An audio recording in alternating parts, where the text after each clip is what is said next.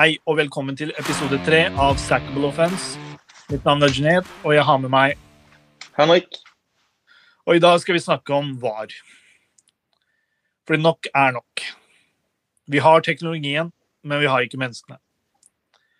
Det blir nye feilaktige avgjørelser i hver kamp, hver runde i fotball. Og vi som fans sitter og er frustrerte. Vi sitter og tenker hvordan i helvete er det hens? Hvordan faen er det der straffe? Hvem tegner disse strekene? Hvem har ansvar for VAR? Hvordan kan det med dagens teknologi bli dømt offside på en kar som har armhulen sin i offside? Alt dette skal vi snakke om i dag. Altså, Innledningsvis så kan vi jo kanskje snakke litt om offside-regelen sin uh sin opprinnelse og historie. Det har ikke vært eh, de store endringene på offside-regelen, spesielt de siste, de siste 100 årene. Eh, det var vel i, på tidlig 90-tallet at det gjorde en liten endring i forhold til at eh, det gjorde det mulig for offensiv spiller å være på linje med motspiller kontra hva det var tidligere, hvor eh, offside-regelen var sånn at eh, dersom du var på linje, så var du i offside. Eh, men vi ser jo litt at eh, med, den teknologien som er på plass nå, som Junaid nevnte i, innledningen her i forhold til disse, spesielt disse strekene, så, så, tror jeg vi, vi, har en liten vei å gå på å få dette her til å bli perfekt. Eh, det som fungerer med teknologi i fotball i dag, er jo goal line technology. Vi har jo snakka litt om dette her tidligere i uka når vi undersøkte litt til episoden. og og den episoden som, eller den hendelsen som stikker seg ut mest for oss, er jo dette, den ghost goalen til Garcia i Champions League-finalen, eller i, semien, tror jeg det var, mellom Chelsea og Liverpool. Den husker United sikkert eh, veldig veldig godt, som et dårlig minne. Jeg husker det utelukkende som et eh, godt minne på Liverpool, som, som gikk videre den gangen da, og fikk kreditert det målet hvor ballen åpenbart ikke var inne.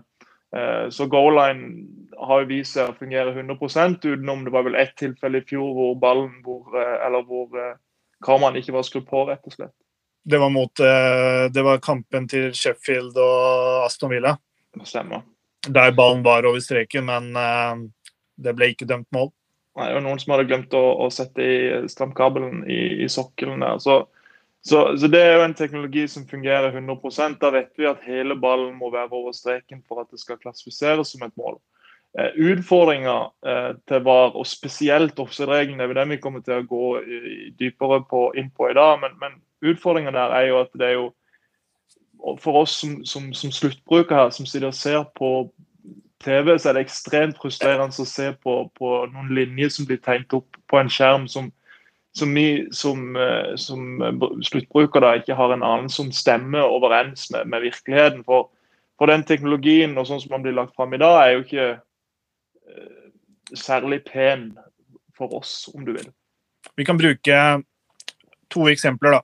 Hvis vi tar Ben Chilwell sin offside i FA-cupen mot Leicester, så ser du at på selve bildet som de bruker til å ta utgangspunkt til å tegne disse linjene, der er ballen allerede i bevegelse og har forlatt foten til Thiago Silva. Hvordan kan man da godta at de tegner linjer i Jeg vet ikke hva de bruker engang, Microsoft Paint eller hva de bruker.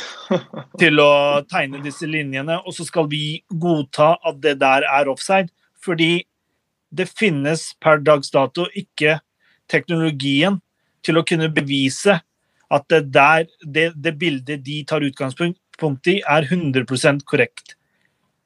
Og så lenge den teknologien ikke finnes, så må du ha en liten margin for feil. Du må ha en liten margin for error. Eh, det har jo eh, æredivvisjonen eh, løst ganske bra, som vi skal snakke om litt senere. Men så lenge den teknologien og det bildet de tar utgangspunkt i, ikke er korrekt, så kan man ikke dømme offside.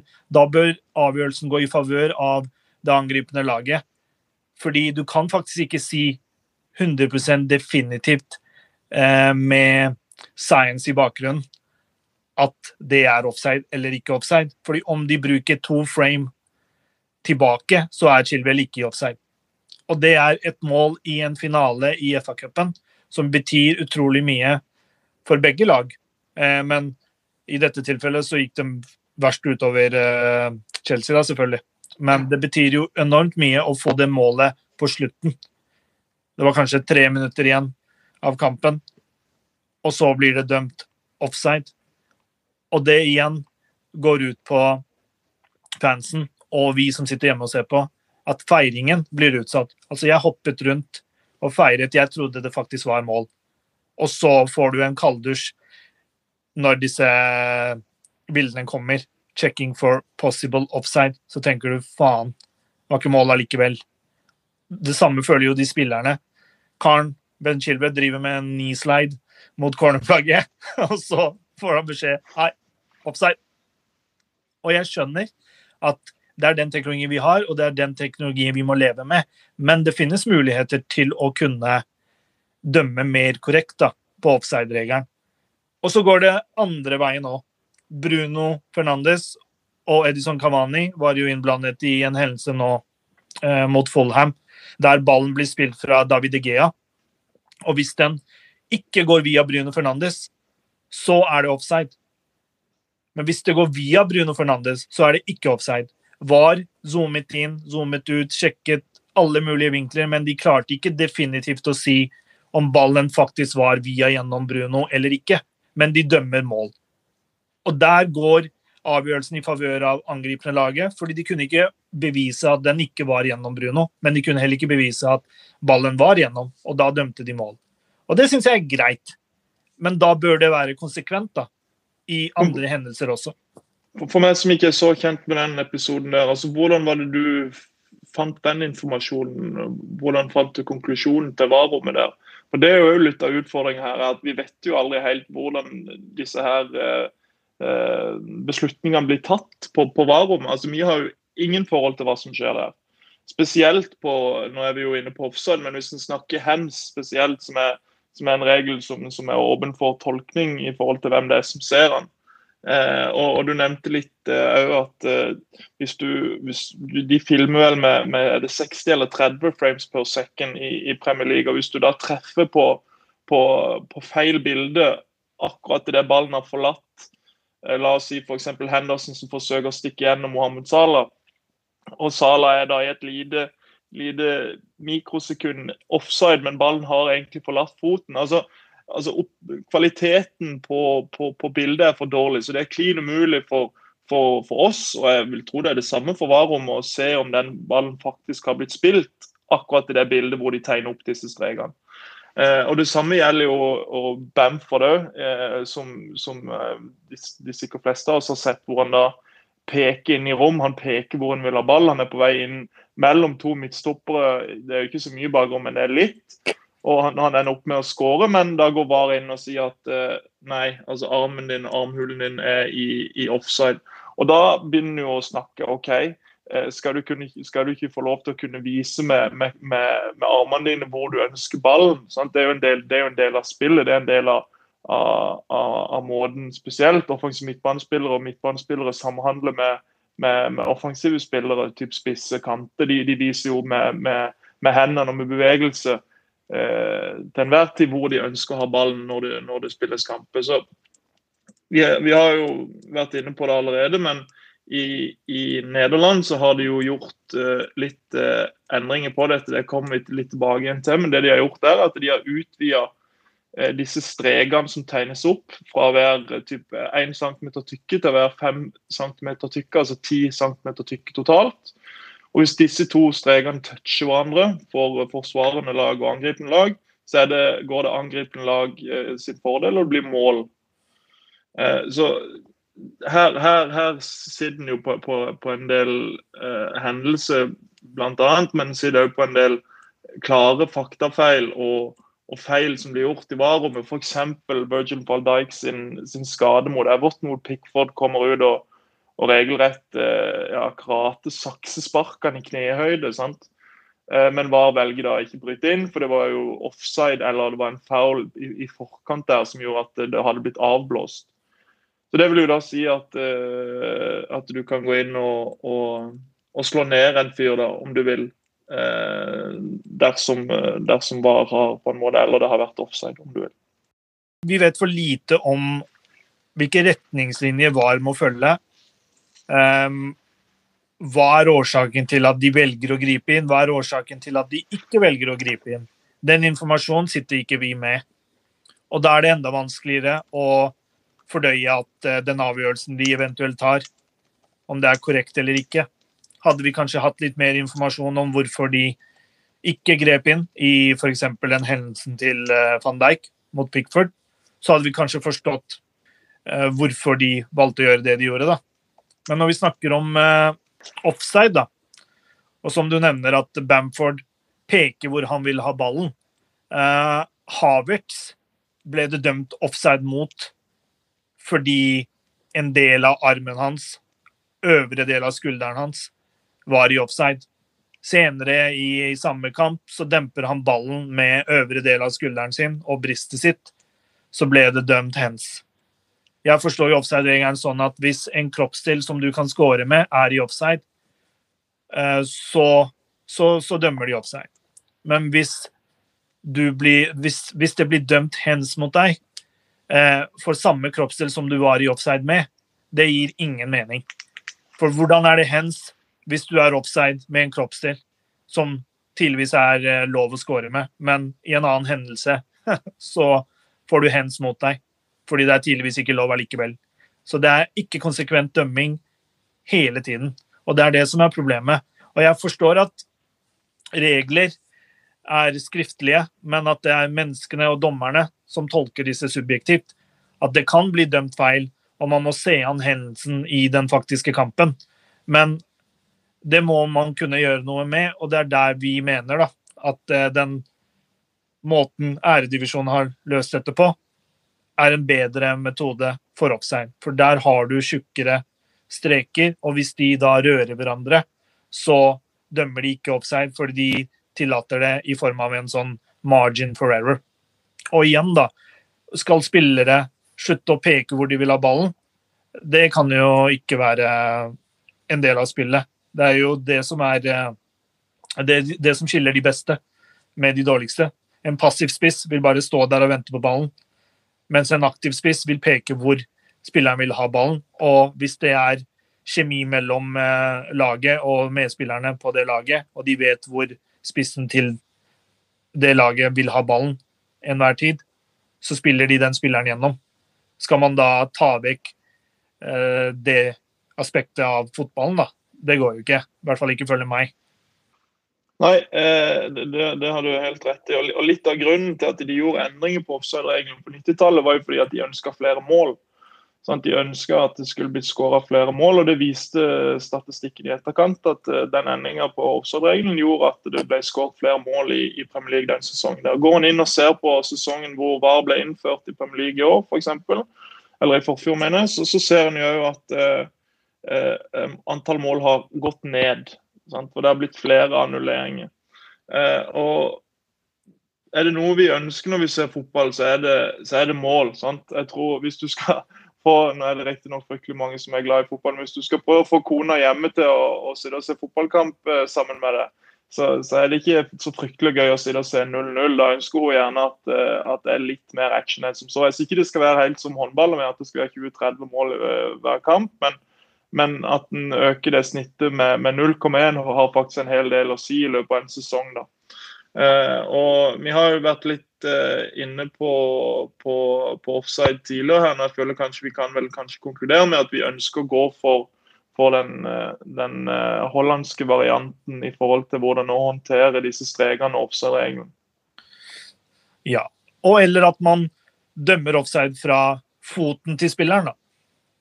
Fordi overkroppen kan være i offside, mens foten er på linje med forsvarsspilleren. Hmm. Det er fotball fot, ball. Ja. Så da må man klare å dømme offside på foten til spilleren, kanskje. Istedenfor å drive og måle på albuer og armhuler og kneskåler og alt mulig. Ja. Du så Asen Arsene Wenger har jo fått en litt sånn uh, spektakulær, om du vil, stilling i, i Fifa. Uh, og Han har jo kommet med forslag nå som, skal, som har blitt lagt fram og, og blitt godt tatt imot uh, på, på Fifa sine styremøter. og Det er det at han ønsker at offensiv spiller skal kunne være eh, foran forsvarende spiller. Men at en av eh, kroppsdelene som han kan skåre med, må touche motspiller. Så Da blir det jo motsatt da, enn den regelen som han var opprinnelig. Eh, det skal de teste tror jeg, nå på kinesisk type andredivisjon for å se om det er noe de kan ha. Eh, men utfordringa der vil jo være igjen at eh, når disse to havner i linjen, på linje og disse strekene blir tegnet opp, eh, så, så, kommer vi tilbake igjen til utfordringa med at bildene ikke er klare nok, og vi ikke klarer å se 100% når ballen ble spilt. Så, så denne her eh, løsninga med å få disse her strekene en god del tykkere, hadde, hadde løst en, en, hel del, om du vil. da. Absolutt. Og Det er en grunn til at vi ikke har hørt om dette før, før vi har uh, gjort research på offside-regelen i Eredivisjonen. Det er fordi det faktisk fungerer så bra at det ikke har vært noen klager. Nei, vi var jo inne på, på Reddit blant annet, og leste litt. Og der var det jo et par uh, blodfans som ikke var klar over at regelen fungerte sånn en gang i i Nederland. Men det har vel kanskje litt med at det har forbigått i stillhet, og at det faktisk fungerer. Sant? Det er ikke så mye å klage på. Det fungerer bare sånn som du skal. Ja, for det er ingen tvil om at det må en endring til allerede fra den eh, nye sesongen nå som starter. Fordi dette her begynner å bli tåpelig. Hvor mange offside skal vi ha før uh, de gjør noe med reglene? Så du Chelsea mot uh, Arsenal? Ja, det gjorde jeg. Så du Hensen eh, i feltet? Nei det tror jeg du hadde kanskje på, du hadde på Liverpool-briller, så du så kanskje ikke Hensen. stemmer kanskje det, ja. Stemmer det, ja. Nei, men uh, ballen går rett i hånda på en spiller. Og jeg er av den oppfatningen at er, er armene dine langs kroppen din, så hadde jeg aldri dømt hens. Eller skal det ikke være hens. Nei.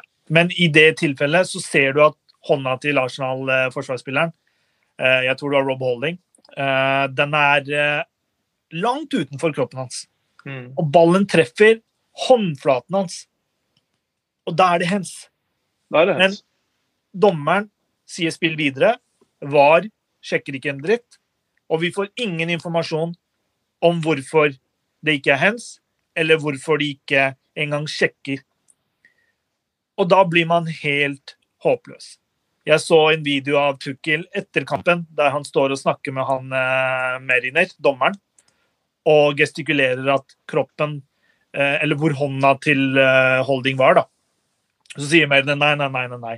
Den var helt langs kroppen hans. Og da oppfatter jeg det sånn at dommeren har oppfattet hendelsen som at hendene til eh, spilleren var langs kroppen hans. Det er det han så og så har han sagt 'spill videre'. Og det er jo feil. Så han har sett feil. Men jeg forstår det, fordi ting ser så fort. Du har jo nesten ikke tid til å kunne vurdere situasjonen før du må si straffe, ikke straffe, spill videre, ikke spill videre. ikke sant? Så jeg forstår at han ikke så det med en gang. Men da er spørsmålet mitt hva er det VAR er for?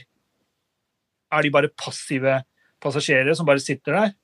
Anbefaler ikke de dommeren om at dette burde skje? Hva er i veien for at dommeren sier 'hold on', og så går han og ser på skjermen. Jeg vil heller at de bruker litt ekstra tid på å få avgjørelsene riktig, enn at de bare sier 'spill videre'. Og der igjen kommer kommunikasjon. Hva er det som skjedde der? Vi aner ikke. Nei, og det, det er jo litt spennende. Jeg vet ikke om du har sett den, det klippet på YouTube av han australske dommeren som får mikk på seg uh, i en kamp. Hvor du da faktisk får høre dialogen mellom fjerdedommer linjedommer og hoveddommer. Det, de har, for det første så er det fryktelig interessant å høre hvordan de, hvordan de snakker til hverandre. Der, der bruker de jo eh, litt tid på hei, jeg tror kanskje spiller nummer syv trenger en liten prat. Tror han må roes ned bitte grann, kommer det fra, fra, fra sidelinja, og dommeren tar tak i det. og, og tar tak i, i spilleren på, på, i neste stopp eller på, på, en offensiv corner eller et eller annet. Og, og, Det er jo en fryktelig moro dialog for oss som, som fans som sitter og hører på. da. Eh, og, og, tenk hadde vi fått samme dialogen mellom dommer og VAR-bussen. Hadde vi kunnet hørt hva som har blitt sagt mellom, mellom dommer og, og, disse her gutta som sitter på, på VAR-rommet og bestiller Fodora, så hadde en kanskje fått en litt større forståelse for hvorfor en avgjørelse ble som den ble. Og, og, da hadde vi kanskje ikke stilt så mange spørsmål og sittet igjen med, med, med, med en hel haug med, med, ubesvarte spørsmål, spesielt i, i etterkant av sånne store hendelser som offside, eh, hands, eh, straffe, spesielt hands og straffesituasjoner. Og det, eh, for, for, folk som har spilt fotball, så vet en jo det at det å holde hendene inntil kroppen, eh, spesielt når en forsvarer egen, eget mål, er ikke alltid like lett. Av og til så sklir du, og da, da lander du som regel på på albuen, og så sklir du bortover. Hvis du da blir skutt i albuen, er det da hands? Der har jeg sett dommere som blåser for og imot. Eh, hvis du blir skutt i hånda og du har hånda litt ut forbi kroppen mens hånda er stiv, så blir det ofte dømt ikke straffe. Men hvis du gjør akkurat det samme og hånda di er slapp akkurat i det øyeblikket, øyeblikket du blir skutt i hånda, så kan det bli dømt straffe. Så, så, så den regelen, altså hens-regelen er åpen for tolkning, og han er ikke konsekvent. og Det er jo der eh, det virker som at dommere eh, på en måte håndterer ja, håndtere den regelen forskjellig. da, uh, Ut ifra hvilken kamp det er og, og, hvem som møter hverandre. og Da er det jo fort uh, en liten sjanse for at fans begynner å snakke om at ja, du har en du har, han, han hadde jo aldri dømt uh, hands mot United, f.eks. Vi husker jo alle jo han der Howard. Han gikk jo rundt med United-drakt som regel på, på fritida, han. Uh, og, og, var fryktelig glad i Sir Alex Ferguson. Så du har et par sånne hendelser som ikke som ikke eh, er god i forhold til å håndtere den, eh, den hands-regelen, om du vil. Du har jo Lucas Mora. Han lå jo på gressmatta. Falt oppå ballen, så ble ballen skutt i armen hans. Så ble det dømt hens. Der må jo dommeren klare å se selve hendelsen. Det er jo ikke hens. Hva skal han gjøre? Skal han ta hendene inn i shortsen og falle på ansiktet sitt? Mm. Han kan jo ikke det. Og der blir det dømt hens. Det er jo tåpelig. Det er jo ikke hens. Nei, og det, det er jo det som er problemet. som sagt. Jeg gjentar meg gjerne sjøl her nå, men det er jo ikke, han er så åpen for tolkning, den hands-regelen, at du ser jo eksperter sitte i studio og diskutere den opp og ned i mente òg. Den burde kanskje blitt skrevet, skrevet, om. Jeg har ikke noen fasit på, på akkurat den på den eh, hands-regelen der. Men der, der, må det gjøres noe for at det skal bli mer konsekvent, og at dommerne har samme oppfatning av hva som faktisk er hands. Jeg tror Colina må stå og skrike litt på disse her eh, Meriner og gutta, så de kanskje får med seg noe. Nei, Jeg forstår jo at regelen er åpen for tolkning, men man må jo kunne bruke litt logikk da, i hendelser som oppstår.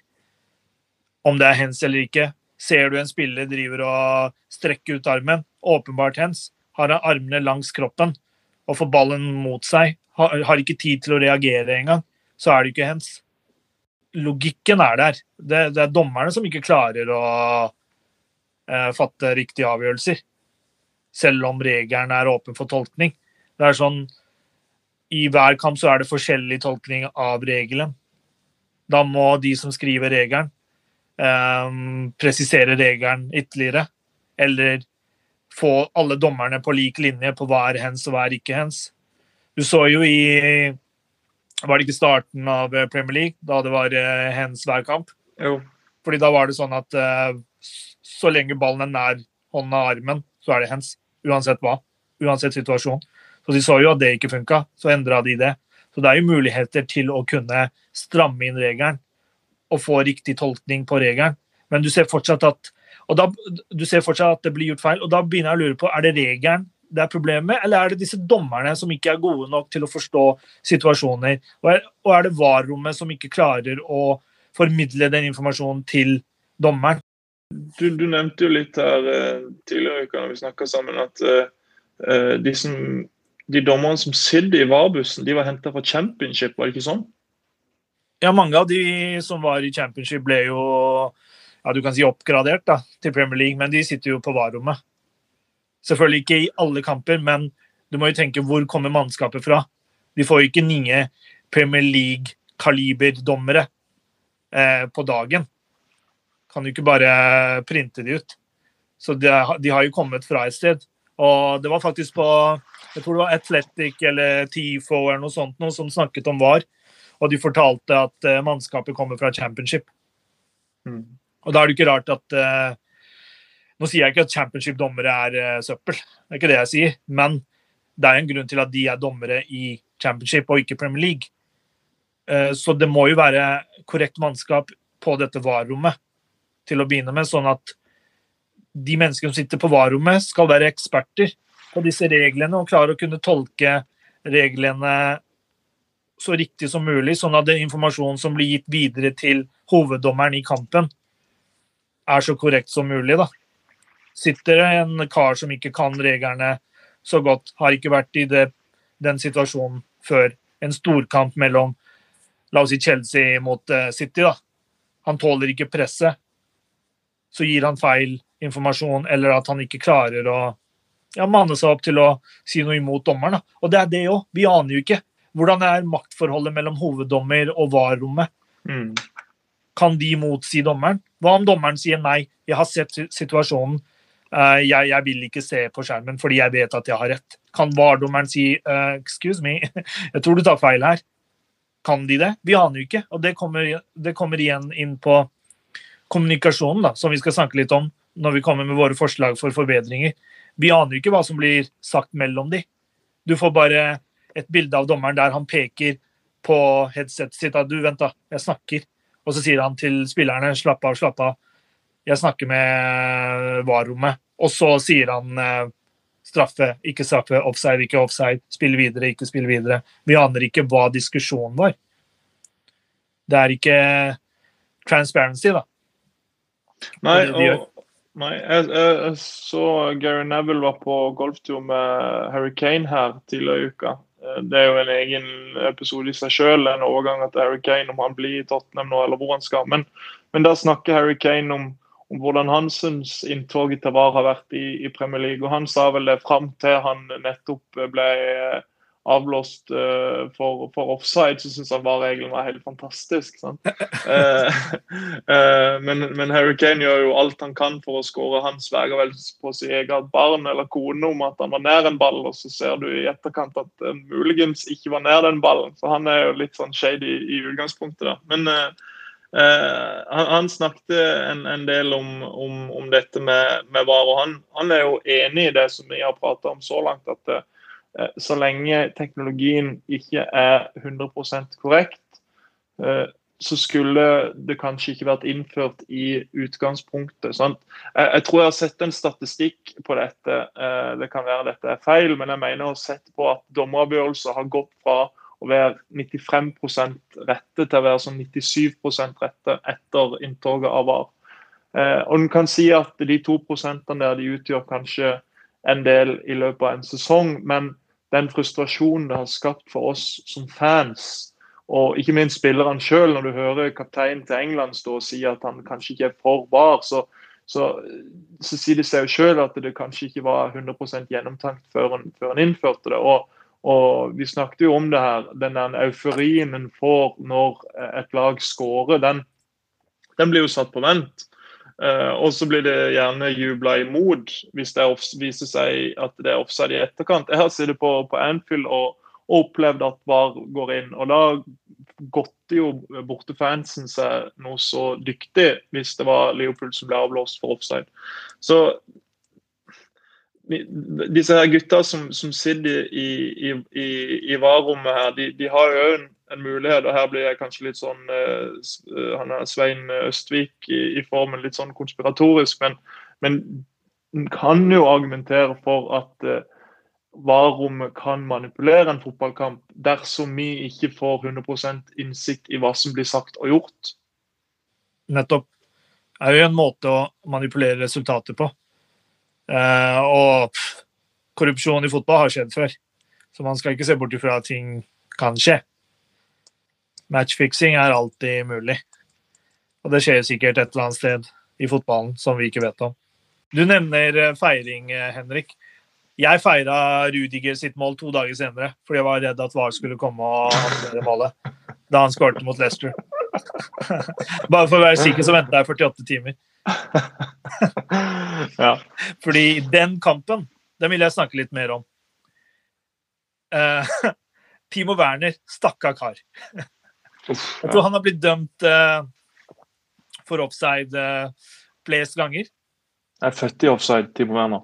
40 offside, Så han kunne hatt Ja, han kunne hatt 40 mål, da. La oss si det sånn. Men fortsatt. Um, det er jo ikke feil at han har blitt dømt offside i alle situasjoner. Men noen av de situasjonene de har vi jo nevnt allerede. Der er det jo Der er det jo åpenbart at eh, det ikke skulle ha vært offside.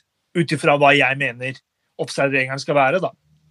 Og at du ikke skal måle fra armhulene til spillerne og albuene og andre kroppsdeler enn foten. Men det er jo regelendring eller at man bruker en æredivisjon-formatet av offside som kan redde den eh, biten av teknologien.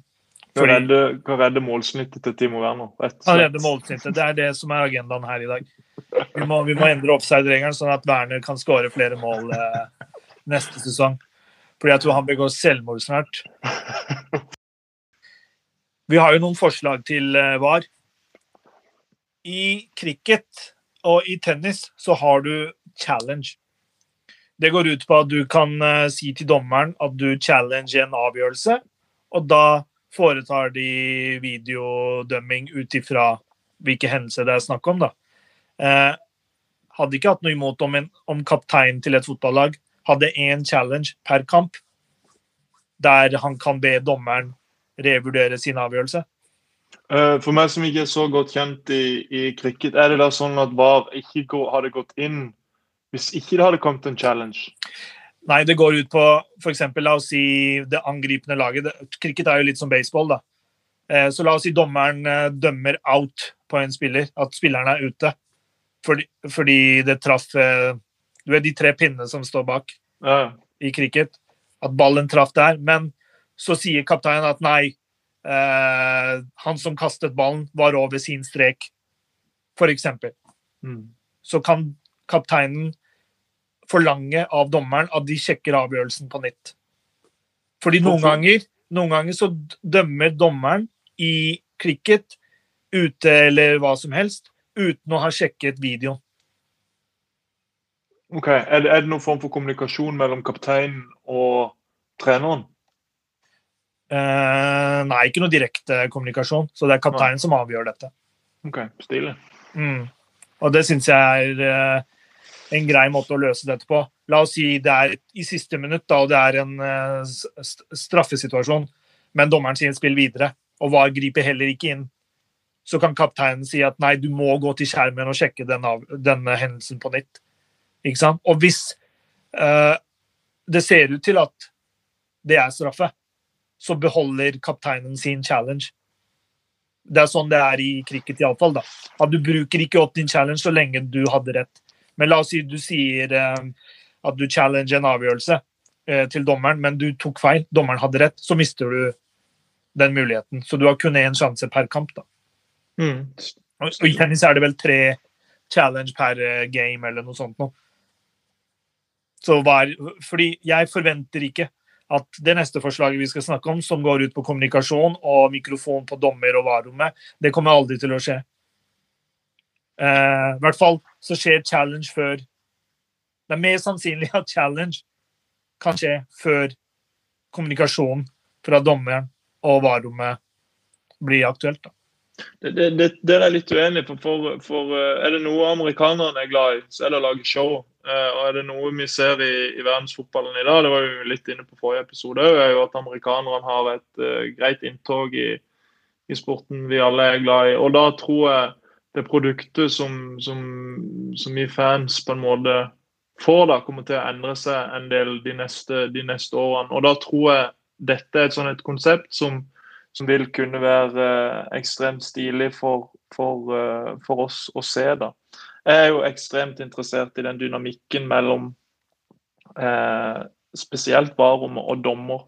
Men det jeg er aller mest interessert i, er dynamikken mellom eh, dommer og spiller.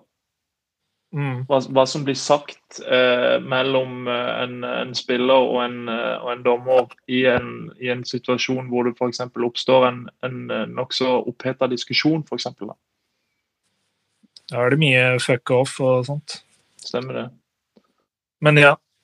Så challenge til kapteinen, som det er i cricket og tennis, det bør vurderes i fotball.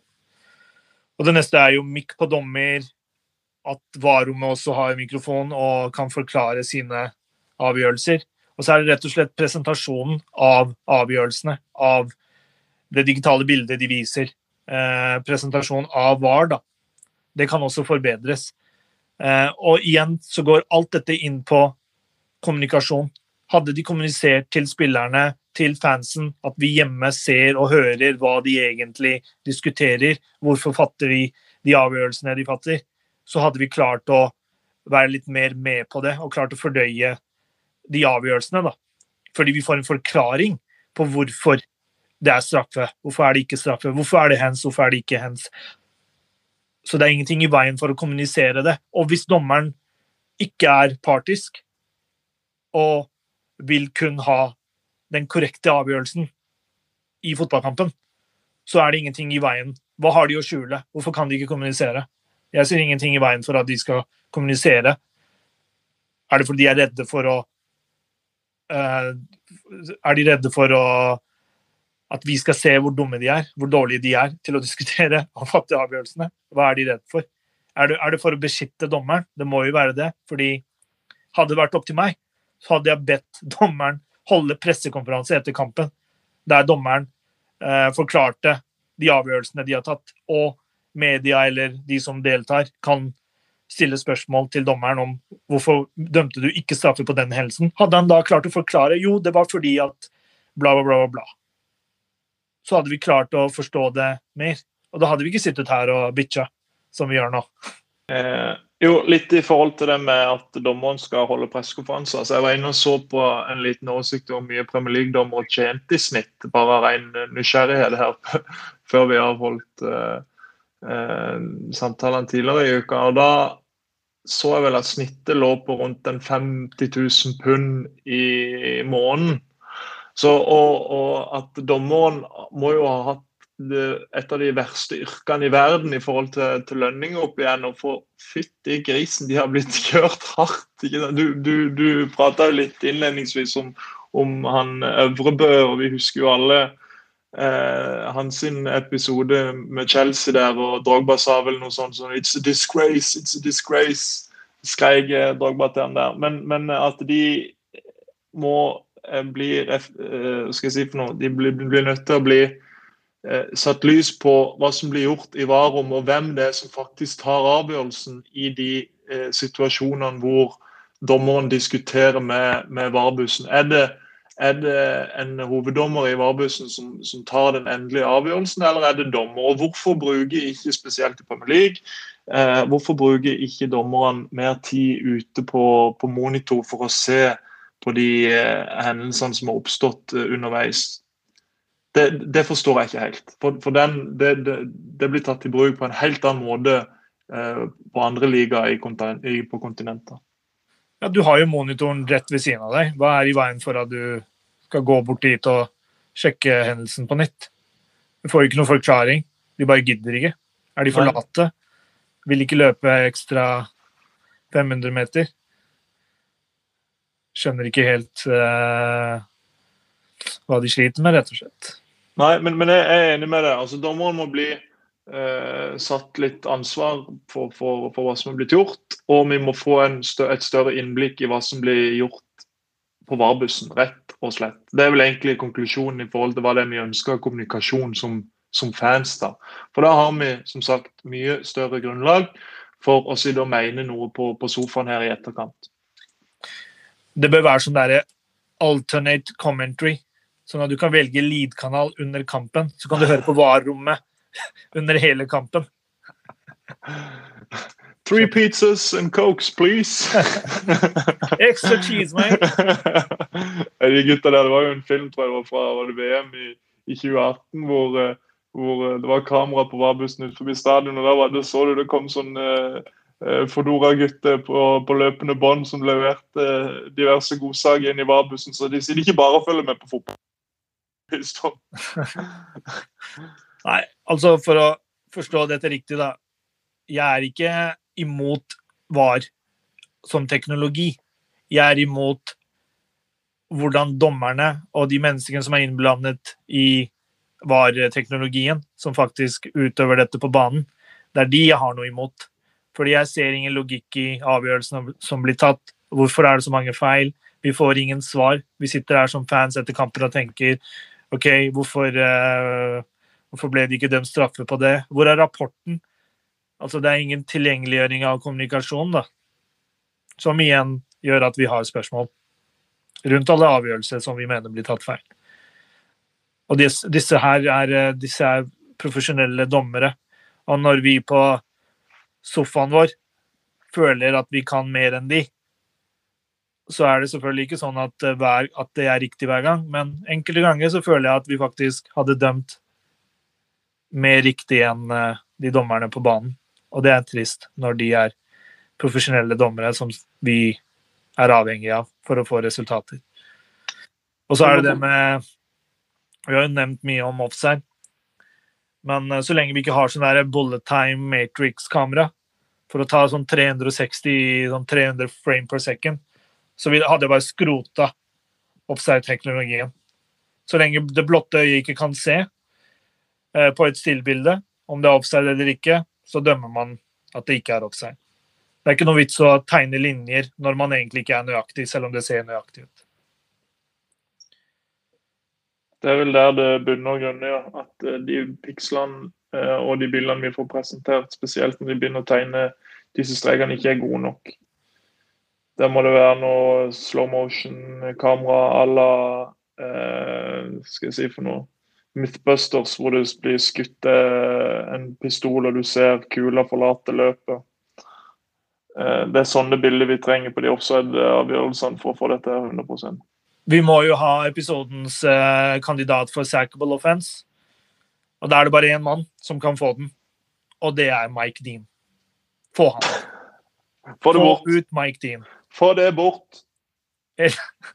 Elendig dommer. At han, at han, der får lov til å Han liker å være i fokus. Han elsker å være i fokus. Han. han tror han er stjerne. Yes.